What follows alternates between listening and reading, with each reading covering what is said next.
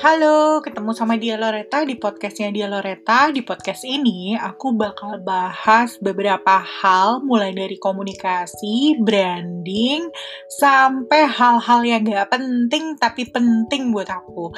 Ya mudah-mudahan penting juga buat kamu ya. Dengerin aja, stay tune di podcastnya Dia Loreta.